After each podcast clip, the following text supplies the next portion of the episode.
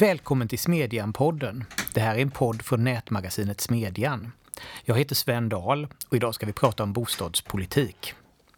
Tidigare i december meddelade finansmarknads- och bostadsminister Per Bolund att regeringen vill införa ett statligt bostadslån för unga. Det är en av sakerna som en särskild utredare ska få i uppdrag att undersöka för att sedan föreslå åtgärder för att underlätta för förstagångsköpare på bostadsmarknaden. Men ytterligare regleringar löser inte problem som i utgångspunkten orsakats av andra regleringar, skriver bostadsforskaren Fredrik Kopsch i en ny artikel på Smedjan apropå detta. Vad innebär det? Vad skulle kunna lösa problemet? Och varför fungerar den svenska bostadsmarknaden inte bättre? Det ska vi prata om idag. Och det gör vi med just Fredrik Kopsch, en av Sveriges ledande fastighetsekonomer. Och dessutom nyligen, nyligen senior fellow på Timbro. Välkommen till podden. Tack så mycket. Och Lukas Ljungberg, jurist från Uppsala universitet och eh, projektledare här på Timbro. Välkommen. Tack så mycket. Fredrik, jag tänkte att vi kunde ta avstamp i det här förslaget från regeringen. I en intervju i Sveriges Radio konstaterade bostadsministern det som många redan slagit fast, att det stora flertalet unga inte har en chans att köpa en bostadsrätt på grund av kreditrestriktioner och, att kontantin, eh, och kontantinsatsen på 15 procent av köpesumman samt de amorteringskraven som införts. Att det här sätter sammantaget stopp. Tycker du att det är en riktig problembeskrivning? Ja, jag tycker nog att det är en, en, en till viss del riktig problembeskrivning. Vi har ju haft Eh, stigande priser då som har gjort i kombination med att det också har gjort svårare att låna från politiskt håll genom de här kreditrestriktionerna så blir det ju svårare och svårare för, för allt fler att ta sig in på, på den ägda marknaden. Eh, så det tycker jag är liksom en korrekt bild. Sen kan man ju fråga sig varför priserna har stigit eh, väldigt kraftigt under tid och det kan ju också ha att göra med andra typer av, av regleringar. Att det är svårt att anpassa eh, produktionen av nya bostäder när, när, priser, eller när efterfrågan stiger. Då ser vi istället, istället för fler bostäder så ser vi högre priser. Men det här förslaget, och som ju tycks vara det som man lagt mest krut på och vill ha mest uppmärksamhet kring om statliga bolån för unga. Vad skulle det innebära mer exakt? Vet vi någonting mer om det? Ja, lite grann vet man väl om det, men, men det ska ju utredas förstås. Men det man kan läsa av direktiven det är att, att eh, det tar sikte på det här problemet att eh, unga måste ha den egna kontantin, kontantinsatsen om 15 av, av köpeskillingen för, för den bostad man köper. Eh, och så, så tar det sikte på att man ska ha ett statligt lån som ska kunna täcka upp för en del av det men inte hela skriver man också i direktiven. Eh, så där, jag vet inte var man kan tänkas hamna men säg att man hamnar på att man får låna 7,5% eller att man får låna 10% men någonstans där skulle jag gissa att man, att man hamnar. I artikeln på Smedjan där du skriver om det här förslaget, eller den här typen av åtgärder, konstaterar du att det här är någonting som framför allt kommer att gynna de som ändå skulle haft möjlighet att köpa en bostad. Varför då? Ja, det är en av de tydligaste riskerna jag ser. För det finns ju liksom en grupp nu som kan köpa trots de högre priserna och trots de alls riktade kreditrestriktionerna. Och till viss del så kan de göra det för att de eh, antingen för att de har lyckats spara ihop pengar själva, en sån grupp finns förstås, men, men också att de har föräldrar som kan hjälpa dem med den här kontantinsatsen. Eh, om 15% Det som jag ser som, som en stor risk här är att de kommer fortsättningsvis kunna eh, köpa bostäder. Men de kommer att istället för att låna så mycket pengar från sina föräldrar kunna använda det statliga lånet eller i värsta fall låna lika mycket av sina föräldrar och lägga till det statliga eh, lånet. Vilket gör att de kan betala mer för bostäderna när de köper dem. Eh, så det riskerar ju det riskerar att vi slussar en subvention till en grupp hushåll som ändå hade köpt sina bostäder och då har vi egentligen inte hjälpt någon. Vi har bara lagt ner resurser på att eh, på att få ett, ett, ungefär samma utfall som vi hade fått oavsett. Det låter ju som ungefär raka motsatsen till det som skulle vara ja, intentionen med den här åtgärden. Ja, det tror jag nog att man skulle kunna beskriva det som. Sen vet jag inte exakt vad... Så en, en intention här som jag inte tror att man har men, men, men det finns ju en grupp som har, har väldigt svag koppling till bostadsmarknaden. För de spelar det ju egentligen ingen roll vad man gör här för att de, de kommer inte få låna pengar oavsett. Där är det inte nödvändigtvis problemet att de saknar 15 procent eget kapital för att köpa en bostad utan även om de hade haft 15 procent eh, så, så, hade, så hade de sannolikt inte fått låna eh, ändå för att de, de, kan ha för låga inkomster för att kunna täcka Eh, löpande utgifter eller räntekostnaderna för, för ett lån. Men, men det, visst finns det liksom en... Det, det, finns en ganska stor risk så som jag ser det att eh, de på marginalen så kan några hjälpas men att en stor del av de här subventionerna kommer gå till, till hushåll som ändå hade köpt. Och det blir ju klart, det är ju inte syftet med, med att införa ett sånt här stöd. I artikeln skriver du, eh, eller tar du det här, tar du det här, det här, det här förslaget som eh, ett exempel på hur ytterligare regleringar av en marknad inte löser problem som i utgångspunkten orsakats av andra regleringar. Hur, kan, du, kan du förklara lite hur du resonerar där och vilka är de här problemen som, vilka är de regleringar som har skapat ja, de problemen vi ser idag? Ja, jag tycker att just i det här fallet så blir det ju väldigt, väldigt tydligt tycker jag. Det, det är inte alltid som det är så tydligt. Men i, i just det här exemplet så har vi ju att 2010 om jag minns, minns rätt så införde man bolånetaket vilket säger att man måste ha 15% finansiering eh, på annat sätt än, än genom eh, att belåna bostaden. Eh, det är ju just den effekten av den regleringen att man behöver ha 15% av bostadens värde som de här direktiven riktar in sig på. Man tillkännager att ja, den, den restriktionen har gjort att det är svårt för eh, förstagångsköpare att spara ihop de här pengarna för att köpa. Därför vill vi ha någon form av subvention för att de inte ska behöva spara ihop de här pengarna. Eh, vilket jag tycker blir, det blir nästan lite, eh, alltså det blir parodiskt liksom när man, när man eh, med ena handen eh, lägger en restriktion på hushållen för att de, man är rädd att de lånar för mycket och så inser man att ja, men då kan de inte låna alls så då inför vi en annan subvention eh, eller ett lån till dem så att de, de belånar sig mer för att kringgå liksom, den första restriktionen. Om vi tittar på just eh, bakgrunden till den här första restriktionen eller första regleringen. Vad, hur skulle man ha löst det problemet? För det var ju många som menade att ja, det fanns ett problem med, med så här överskuldsättning, skulle vissa kalla det, som ju ja, men ledde fram till det här bolånetaket. Ja, precis. Ja, det fanns en rädsla för det. Jag vet inte hur, eh, hur befogad den var. Den där diskussionen är fortfarande stor. Ja, men vi har, eh, man tittar ofta på att hushållens skulder växer över tid men, men man beskriver inte lika ofta att de underliggande tillgångarna också växer. En, en stor bidragande orsak till att hushållen är mer och mer belånade är ju att priserna på bostäder går upp. Eh, det är den ena. En annan stor bidragande orsak, och det här visades i en, i en rapport från Evidens som jag minns rätt för ett, ett eh, antal år sedan. En annan stor bidragande orsak är de eh, ombildningar man såg under, eh, framförallt från 2007 till 2010 så hade vi den senaste vågen som var en ganska stor våg av ombildningar från hyresrätter till, till bostadsrätter. Och när man då flyttar väldigt många lägenheter från att ha ägts av kommunala bostadsbolag eller överhuvudtaget privata bostadsbolag till att de ägs av hushållen och de därigenom belånar dem så kommer ju skulderna på aggregerad nivå hos hushållen att växa väldigt mycket. Men det gör de ju för att de har belånat eh, mycket större tillgångar. Så man skulle, man skulle kunna säga att det, var, att det hade varit rimligare att låta bli att införa det här bolånetaket eftersom det skapar, ja, skapar nya problem som kräver nya ytterligare åtgärder? Ja, alltså här, i det här fallet så skapar det ju problemet att man stänger ut en del människor från, eh, från att eh, köpa sina bostäder. Och det kan, är man rädd för skuldtillväxten så, så har vi ju efter att man införde bolånetaket så har vi också infört eh, amorteringskrav i två omgångar som ju ytterligare tar, tar sikte på att man ska, ska att skuldsättningen ska sänkas ännu mer. Och där tycker jag kanske att man man skulle kunna välja. Man kan ha ett lättare sätt att ta sig in på den här marknaden och sen därefter amortera. För nu har man, alltså man kräver nästan lite hängsle och, och livrem. Liksom.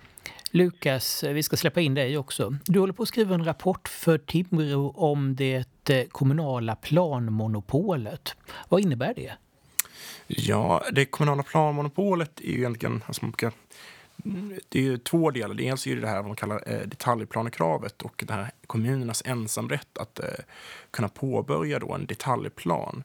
Detaljplanekravet innebär att för att du ska kunna bygga vad man kallar en sammanhållen bebyggelse då, så måste det finnas en detaljplan. Men det är bara kommunen som får Eh, Eh, påbörja och förändra sådana här detaljplaner som då reglerar vad som får byggas inom eh, själva detaljplanen och den marken då som man äger. Eh, så det, och det skapar såklart då problem då när det är kommunerna som bestämmer över enskilda markägares mark, vad de får och inte får göra och de själva då inte har möjlighet att säga till om och påverka någonting utan det är ju helt upp till kommunpolitikerna då att besluta om detta. Eh, och det är där någonstans jag försöker beskriva dels vad det handlar om och de problem det här skapar helt enkelt. I en artikel som snart kommer på Smedjan så lyfter du fram ett par ja, konkreta exempel på vad det här kan innebära, vilka problem som det här kan föra med sig. Vill du avslöja någonting här i podden redan?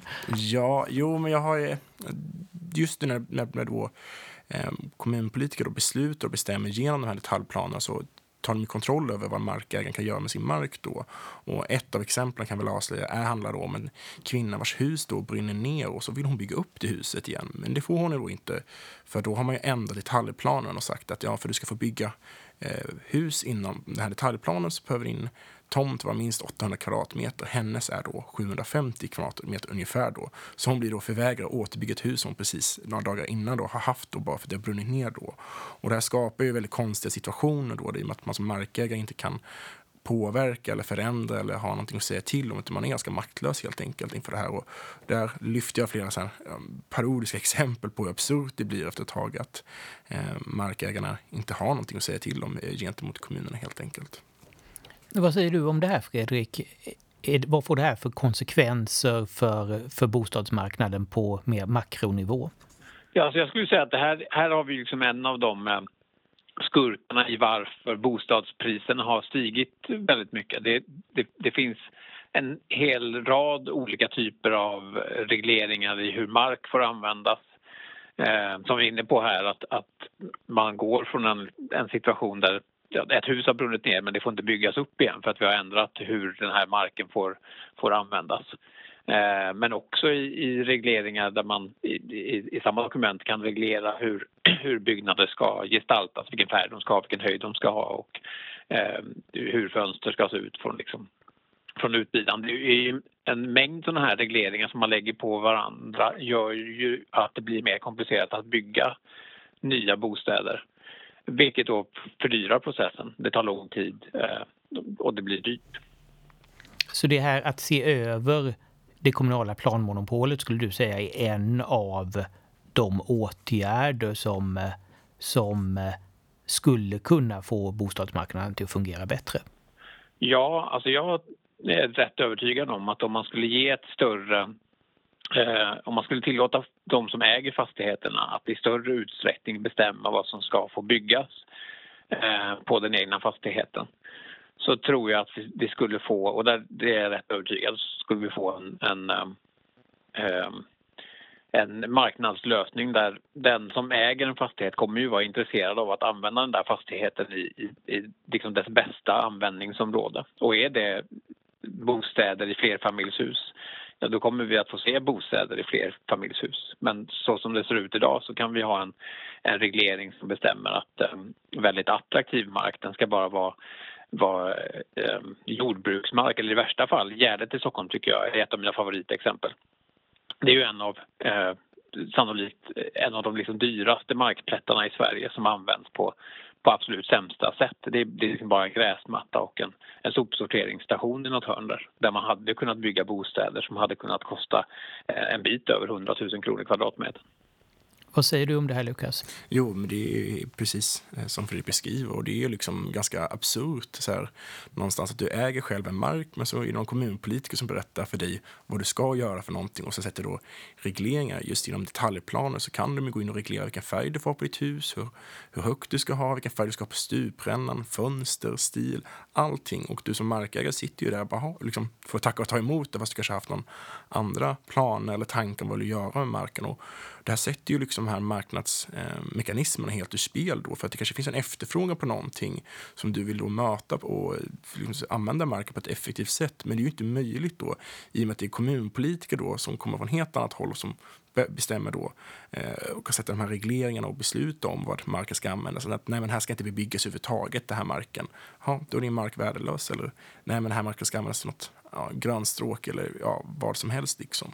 Eh, och jag tror verkligen att, och det är lite det jag kommer komma in, eller, min rapport någonstans landar i, eh, det är just att, säga att om markägaren får mer att säga till om, exempelvis som har i Norge, där en markägare kan själv gå och säga att nej, men jag vill ha gör detta då eh, med min mark och så får man då pröva det utifrån lämplighet och som andra delar såklart. Men att en markägare kan ta initiativ då till att eh, försöka få prövat då vad man kan använda sin mark till istället för att det är kommunpolitikerna som tar initiativet. För nu finns det ju ingen möjlighet för en markägare att säga till någonting om att man vill ompröva eller utmana den här eh, detaljplanen som då ligger som en slags våtfilt över det hela. Eh, Fredrik, ett eh, område som du skrivit om vid vid återkommande tillfällen är ju hyresregleringen. Ehm, vad skulle man kunna tänka sig för reformer där? För det här är väl det området som kanske de, många säger är det där det krävs där det är allra viktigast med åtgärder för att få en bättre fungerande bostadsmarknad. Ja, jag har ju menat det i, i flera år. Ehm, och där, det som jag mest har riktat in... Om man börjar liksom vad politiken är idag tror jag kan vara en, en, bra start. Där finns ju en utredning som ska titta på och föreslå ett system för en friare hyressättning för nyproducerade bostäder. Den ska presenteras i maj nästa år. Eh, så den tar ju sikte på ett, eh, ett framtida bestånd av hyreslägenheter som kan få ett annat typ av hyressättningssystem än, än det vi har idag. Och det tycker jag förvisso är, är är helt okej. Okay. Men många av de här riktigt stora problemen som vi ser på hyresmarknaden, att vi har eh, köer som kan vara 20 år eller 30 år långa och att vi har stora ombildningar och vi har en, en svart marknad för, för förstahandskontrakt. Det rör ju inte särskilt mycket nyproduktionen utan de problemen finns i det äldre beståndet, i, i eh, de lägenheter som är eh, rejält underprissatta.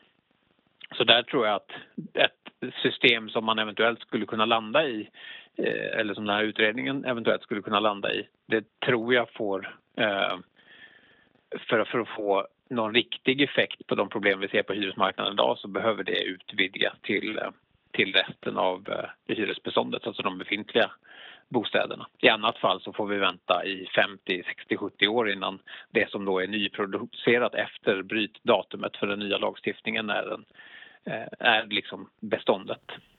Tror du det finns några förutsättningar att få till en sån reform? Ja, jag tror ju det. Alltså jag har ju eh, blivit mer och mer eh, optimistiskt lagd i den frågan. Och jag, jag, tycker om Finland som ett exempel där, där man gick från... Det är väldigt likt hur, hur det ser ut nu i Sverige. De avreglerade under en ganska kort period i början av 90-talet, från 91 till 94, i tre olika steg. Och där var det första steget så var det just eh, deras motsvarighet till Socialdemokraterna som tillsammans med deras motsvarighet till, eh, till Centern och, och eh, Liberalerna införde ett system med friare hyressättning i just nyproduktion i vissa orter i Finland. Så det gjorde man 1990 eller 91. Och sen på bara några år så lyckades man från liberalt håll utvidga det där systemet till att gälla alla lägenheter i hela Finland. Så 1994 så hade man avreglerat eh, i princip hela hyresmarknaden. Så det gick ju ganska fort. Så att jag är ju ganska positiv till eh, det är ju min förhoppning med att man inför ett friare system för, för nyproduktionen. Att man kan säga att det här tycks fungera, det tycks ge ett visst eh, och adekvat skydd till, till hyresgäster som flyttar in i de här lägenheterna så att vi ser en möjlighet att utvidga det här till resten av beståndet, till exempel i alla nya kontrakt eller om man eh, fasar in det över tid i, i alla kontrakt. Men Lukas, du har ju också varit aktiv i politiken. Och det här är ju ett sånt område som har diskuterats väldigt länge. Och ja, så länge jag har följt, eh, följt den politiska debatten, och det börjar bli några år vid det här laget, så har ju de här frågorna dykt upp med jämna mellanrum. Men varför är det så svårt att eh, att eh, göra någonting åt de här problemen? Ja, nej, men jag tror liksom hyresregleringen är en sån fråga där jag tror att många Eh, det finns ju tryck och nu kommer det ju förhoppningsvis bli en ordentlig reform där får man bara hoppas på att de inte släpper igenom någon halvmesyr där. Men jag tror mycket av den här bostadspolitiken är ju oftast att det finns ganska starka intressegrupper för vissa typer av det, det nuvarande systemet och de andra och motstående intressena då att unga, studenter, personer som står utanför bostadsmarknaden ofta inte är lika, lika högljudda då i förhållande till de som är inne på bostadsmarknaden och har det ganska bra och har kanske en fin trea på Östermalm till en väldigt, väldigt låg hyra då. Den personen kommer vara mycket mer högljudd än den som står utan en bostad som bara är liksom lite besviken då för att han inte får någon bostad. Så jag tror dels det är liksom den här intressegrupperna men sen tror jag också att mycket av det system som vi har idag just för att koppla till eh, planmonopolet och detaljplan är ju att det är ändå rätt så flexibelt hur man kommuner vill lägga upp det. Att vissa kommuner kan vara ganska liberala i sin tillämpning av eh, den lagstiftning som finns och man kan vara tillåtande i och med att det är kommuner som har sista ordet då när man bygger saker. Samtidigt som man kan vara väldigt, väldigt restriktiv. Så restriktiv och säga nej till allt byggande och stoppa allt byggande så kan man tillåta. Och det här båda de här delarna funkar inom det nuvarande systemet. Och jag tror att det är det som är lite problemet. Både de som kan vara för en liberal, en väldigt liberal bostadsbyggande liksom, eh, med detaljplan och så kan kroka arm då någonstans med de som är väldigt restriktiva för att båda kan ju liksom uppfylla det de är ute efter och att de inte tar stopp där. Så jag tror att det finns flera delar av det här eh, kopplat till varför det inte händer så mycket och det tar så lång tid och varför det är så långsamt helt enkelt. Men du är ändå lite optimistisk, Fredrik, att det faktiskt finns förutsättningar att någonting kan hända här. Känner du att de ideologiska låsningarna i frågan håller på att mattas av? För det här har ju tidigare varit en väldigt laddad fråga, långt in i de borgerliga partierna. Ja, precis. Det som jag har, har sett är ju att dels att man överhuvudtaget går fram med det här förslaget att man, man kan tänka sig att göra sig av med ett tidigare systemet för men bara för nyproducerade lägenheter någon gång i framtiden. Men också att Moderaterna har ju eh, ett stämmobeslut från några år sedan på att man ska verka för en friare hyressättning och då gäller det hela beståndet eh, och inte bara för för eh, nyproduktion. Så där har det ju öppnats upp. Men sen är det ju så som du säger, eh, det har diskuterats under en väldigt, väldigt lång tid. Jag har grävt en del i liksom den tidigare debatten har där också. Och i, idag har vi ett, ett, jubileum kan vi uppmärksamma. Den första debattartikeln som jag har hittat är, Sven Rydenfelt som 1947, just den 16 december, skrev en, eh, en, en debatterande text om att det är hyresregleringen som skapar bostadsbrist. Och det är ju ganska det, det, i det ljuset så, så kan man ju bli lite pessimistiskt lagd att vi har diskuterat det här sedan 1947 utan, utan att ha eh, någon jättestor förändring eh, på de problemen på hyresmarknaden. Men vad gör du av Lukas analys om särintressena? Ligger det inte någonting i det att det fortfarande är så att det finns väldigt, väldigt starka särintressen här som har ett stort inflytande över politiken och kanske just bidrar till att förstärka den här ja, men den grundläggande insider-outsider-problematiken som vi, ja, som vi pratade om inledningsvis apropå förstagångsköparna. Ja, så är det ju absolut. Eh, och där finns det ju det finns ju en del eh, stora organisationer som, som tjänar på att behålla systemet. Hyresgästföreningen är ju den mest uppenbara som, som har, eh, vi har hyresförhandlingslagen att Hyresgästföreningen eller en etablerad hyresgästorganisation som ju nästan alltid är Hyresgästföreningen. Jag tror att de förhandlar hyrorna för 90% av Sveriges hyreslägenheter. Det är ju nära 300 miljoner kronor per år i, i förhandlingsavgift som de får in på det. Så det är klart att de är ju intresserade av att, att behålla det här systemet men det tror jag även att, att organisationen eh, Fastighetsägarna eh, där är ju mer, mer ambivalent förstås för att å ena sidan så, så är deras medlemmar, eller åtminstone en del av deras medlemmar intresserade av att gå till en friare hyressättning. Men å andra sidan så har vi ju organisationen som, som ju också erbjuder hjälp att förhandla hyror. Så det är ju också någonting man, man tjänar pengar på inom nuvarande eh, lagstiftning. Och sen så finns det ju förstås de, de kommunala bostadsbolagen som, eh, som också har en, en, organisation, en intresseorganisation som, som kämpar för, för sin existens. Mer än 60 procent av bostadsbeståndet i Sverige idag utgörs ju av bostadsrätter och, äga, eh, och eh, ägda bostäder.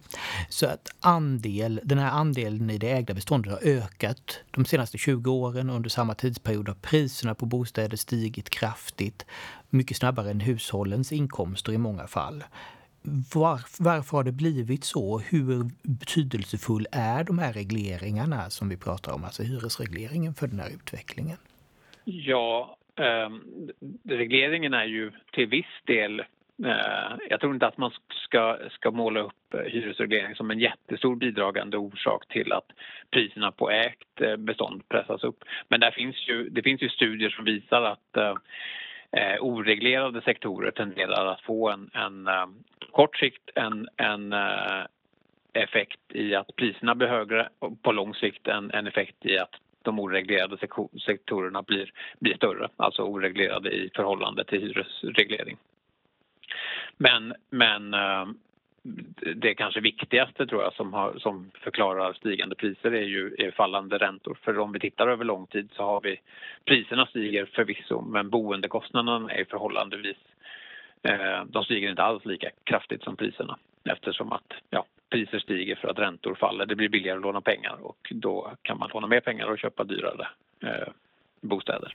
Men finns det, ett, finns det ett problem i den här skevheten att det ägda beståndet växer medan då ja, på bekostnad av, det, av möjligheten att hyra en bostad? Ja, jag tycker ju det. Alltså det finns ju ett, det finns ett värde av eh, en hyresmarknad. Eh, dels för att det finns ju många hushåll som behöver lösa sitt boende för en ganska kort tid och den ägda bostadsmarknaden har mycket högre transaktionskostnader. Eh, man bär en stor finansiell risk om man köper till exempel. Ska man bo, bara bo ett halvår så vill man kanske inte bära en sån finansiell risk. Eh, så för sådana hushåll så är hyresmarknaden jätteviktig.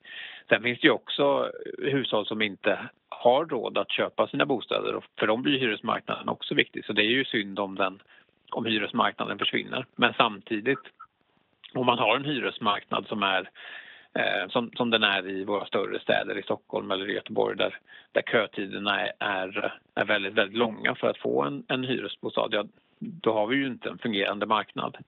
Ehm, och då är det inte alls lika tydligt att det, att det är synd att den eh, hyresmarknaden försvinner för att det, det gläder ju inte särskilt många att, Ehm, att det finns lägenheter men de tar 30 år att få helt enkelt. Avslutningsvis eh, en fråga till er båda. Eh, Lukas, om du ska peka på en viktig reform för en bättre fungerande bostadsmarknad, vad skulle du välja då? Ja, nej, men det blir min eh, käpphäst, eh, plan, alltså, avskaffa det kommunala planmonopolet.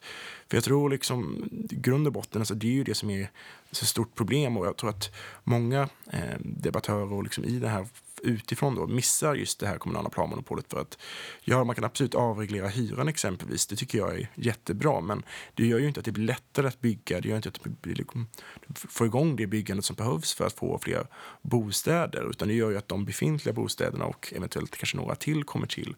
Men det är inte mycket mer än så. Och en sån reform riskerar ju oftast riskerar ju att bli liksom verkningslöst då helt enkelt om det inte liksom, man ser att det kommer faktiskt fler bostäder.